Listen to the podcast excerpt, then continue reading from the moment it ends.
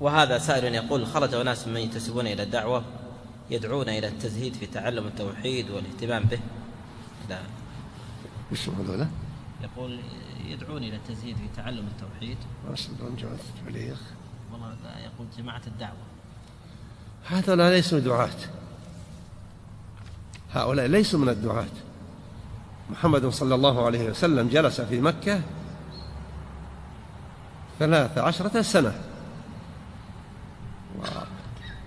جل عمله صلوات الله وسلامه عليه إنما هو دعوة لإخلاص العبادة لله.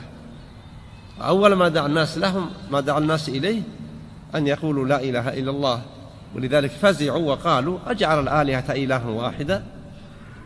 فهؤلاء الذين ادعوا التوحيد يدعون ماذا؟ يعني يسير صاحب وحدة الوجود. والباطني والاثني عشري وسائر أصحاب الضلال مسيرة واحدة. لا شك أن هذا من باب الدعوة إلى إضلال الناس وجعل الناس بني, بني آدم فقط صرف النظر عما يقومون عليه. هذا لا شك أنه من الضلال المبين. صلى الله إليكم